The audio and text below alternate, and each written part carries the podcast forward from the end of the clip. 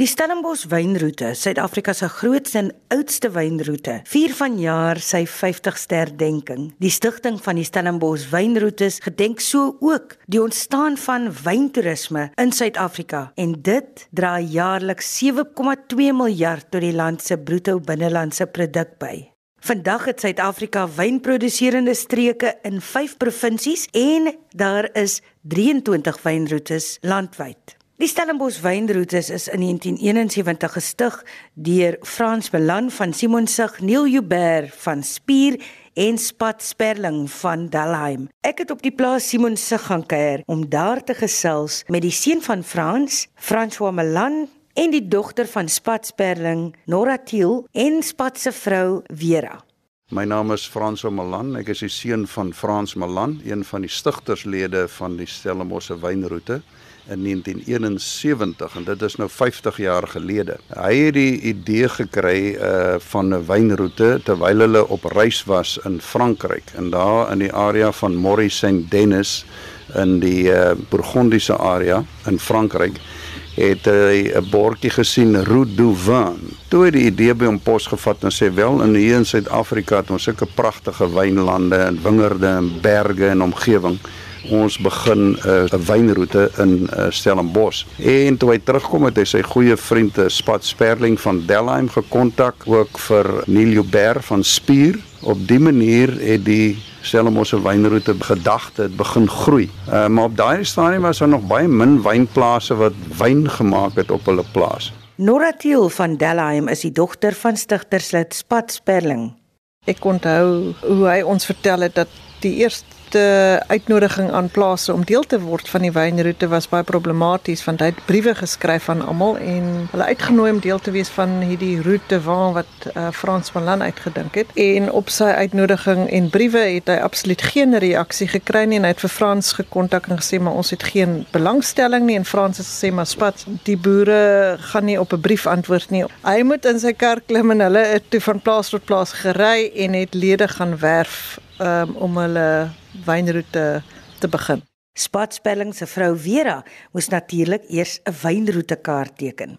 En dit was 'n baie opwindende tyd om so iets te doen dat mense regtig 'n kaart sien wat hulle iets kan doen. Dit was nou ja, heeltemal nuut. Die kaart wat in 1972 ontwerp was deur my ma die eerste 9 wynplase opgehaat wat hulle destyds kon werf. Elke jaar het dit verander want dan het daar meer en meer lede bygekom en so moes die kaart elke jaar per hand weer geteken word om te sê wat kon mense doen en wat kon hulle ervaar op die wynplase. Maar die kaart was die een deel van die oefening, die tweede deel was om padborde te kry en dit het hulle letterlik 4 jaar gevat om toestemming te kry dat ons enigstens 'n padbord op ons pad kon sit dat die mense weet waar om af te draai want dit help nie net net 'n kaart nie jy het ook ergens 'n redelike ver roetes om te ry om van 'n groot nasionale pad af te draai om by die plaas uit te kom. En daarvoor het ons baie bewondering gehad vir die deursittingsvermoë van ons ouers ehm um, Spats en Frans en Neil om dit deur te druk dat ons ehm um, padbord orde gekry. Ja, een van die uh, probleme waarmee hulle te kampe gehad het is om die roete moet nou uitgelê word en dan moet die publiek wat nou rondry uh, moet dan nou weet waar die verskillende plase is. Maar die uh, Stellenbosse afdelingsraad daai tyd was net teen enige borde. Jy sit nie borde langs paaie nie. En toe uh, is hulle heel vernuftig en hulle nooi toe die destydse administrateur van Kaapland was uh, Dr. Lapa Minnik en hulle bring hom hier uit na die plaas en uh, na 'n paar lekker glasies Kaapse vonkel hier by ons in die tuin. Toe laai hulle hom in 'n kombi en hulle vat die pad. Hulle het net so 'n paar kilometer gery. Toe sê dokter Minnak: "Nee, hier ek is al klaar verdwaal. Sit op die blerrie borde." En so Ek onthou as kind het ons hier op die R44 self moes staan, ek en Victor my broer, om mense te wys waar om af te draai. Sodra 'n inspekteur verbygekom het, dan het ons um, in die sloot gespring sodat hulle ons nie gesien het nie.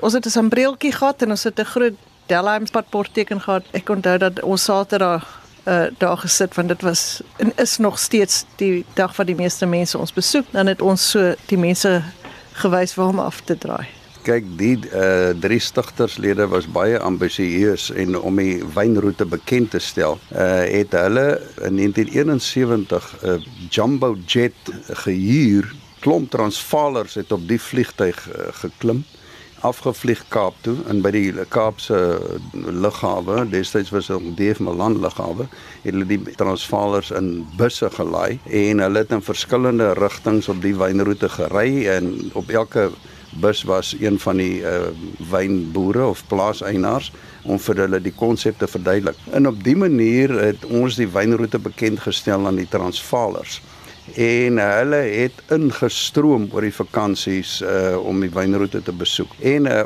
op daardie dag uh toe hulle nou terugvlieg het elkeen met sy eie uh, pakkie van 6 bottels wyn onder die arm terug op die vliegtyg terug Johannesburg toe. Dit was 'n baie ambisieuse projek. Ek onthou ook ons kinders moes almal help werk en wyn dra. Ons mag nie wyn verkoop het nie, maar ons moes al ons vakansies werk en ek neem aan Franswa julle ook. Vir een van die goed was ons moes die glase was wat almal gebruik het om te proe, maar die ander een was ons moes die wyn dra na die karre toe soos die mense wyn gekoop het. En destyds was die wetgewing so jy mag nie minder as 12 bottels per kliënt verkoop nie. So die wetgewing het ook verhoed dat die gesamentlike verkope van al die plase mag nie meer as 3000 kiste per jaar gewees het nie omdat die wynwinkels wou verhoed dat ons hulle besigheid gaan steel. Uh as jy dink waar ons was destyds hoe die wetgewing gedruk is om te verander deur ons ouers wat geveg het daarvoor dat jy wel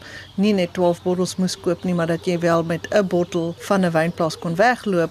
Dit was absolute pionierwerk wat hulle vir ons industrie en vir die toerisme bedryf gedoen het. Die stigterslede van die wynroete sal nou in hulle grafte omdraai om te sien hoe die wynroete en ook die wyntoerisme oor die hele Wes-Kaap, hoe dit uitgebrei het en hoe groot deel dit van die ekonomie van die Wes-Kaapse ekonomie uitmaak. So wyn en toerisme is onontbeerlik vir die Wes-Kaapse ekonomie. En uh, ons kon dit nou sien in hierdie COVID tyd hoe uh, hard ons geslaan is uh, dat hier is net minder toeriste, minder uh, vliegtye, uh, minder bustoere En uh, hoeveel mense is afhanklik van die uh, toerisme, ook restaurante op wynplase en ook 'n dorp so Stellenbosch, die ekonomie van Stellenbosch is hard getref deur die COVID periode. En vandag is daar 23 wynroetes in Suid-Afrika. So na 50 jaar het ons 'n industrie ontwikkel wat nie net vir Stellenbosch goed was nie, maar vir almal tot in Plettenberg Bay wat 'n wynroete gestig het. So ek dink die pionierwerk wat in die 70's begin is, het 'n ripple effek gehad. My pa het altyd gelag en gesê wat van 'n uh, olyfroete of 'n uh, mielieroete en ek dink daar is vandag olyfroetes en mielieroetes. Ehm um, so ek dink is fantasties wat ons ouers wel reg gekry het vir die inspirasie vir saamwerk. Dis makliker om as wynboere saam toerisme produkte te ontwikkel as wat ons elkeen op ons eie voete probeer staan en ons eie ding doen. Ehm um, ons het toevallig mense uit Australië gehad 'n paar jaar gelede om te kom kyk na wat ons toerisme produkte is wat ons aanbied en hulle was verstom oor wat Suid-Afrika in die wyntoerisme bedryf aanbied en ek dink van uh die moontlikhede wat Suid-Afrika het en hoe ons dinge benader, uh maak ons 'n uh, werklik van die beste in die wêreld. So ons kan geensins terugstaan vir wat die toerisme aanbiedinge in die wêreld aangebied word nie. Um, ja, dit was ook 'n ding om dat as jy net kom vir wynproe, dan is jy al klaar honger.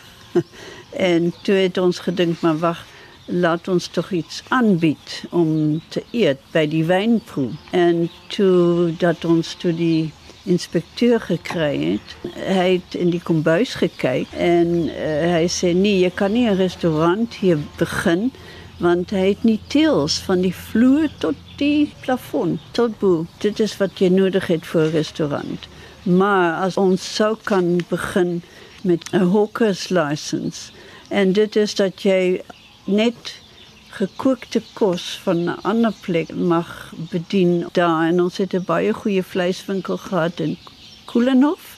En daar het ons ons worsies gekoop en kaas kon ons bedien en dan ander soort van vruggies wat ook uit 'n bottel kom, maar ons mag dit nie self doen. Toe het ons wel die Duitse vrou van ons wynmaker voorgestel of sy dit nie wil begin en sy is toe het die borde begin. Sy het ook die brood gebak en die mense het van die keller afgestap af na die groot keller toe en dan kon hulle eintlik die brood ruik want dit was net daar was haar huis. Dit het so lekker geruik. So dit was al klare advertensie om te kom eet. Ja, ons was die allereerste restaurant wat met so iets begin het. En maar dit was die begin.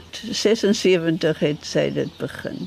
Ek wil ook net byvoeg, uh, ons was van die uh, eerste plase wat soort van blootgestel is to, aan toerisme en ek dink nie ons het verwag watter golf ons uh, tref nie. En mens moet ook kyk na addisionele geriewe soos byvoorbeeld uh, die ablusie geriewe. Die mense moes aanvanklik ons huis uh, badkamers gebruik. Nou kry ons busvragte vol mense en dan ook uh, kan 'n mens sien dat jou uh, boustyle, ek wil ons het begin in 1971 maar 75 te bou is op uh, heelwat groter prolokaal en dit moet nou aansluit by geboue wat hier uit die 1900s uitkom. So ek dink dis amper soos 'n straatjie as jy hier oploop by verskillende boustyle hoe ons aangebou het en aangebou en uitgebrei. So ons self het ons parkeerarea nou al met met die tyd 4 keer moes groter maak. En ek dink ook baie van die nuwe toetreders tot die wynbedryf nou eh, kan sien wel, ek het gaan soveel wyn maak, gaan my kelder so groot maak, gaan my parkeerplek so groot maak.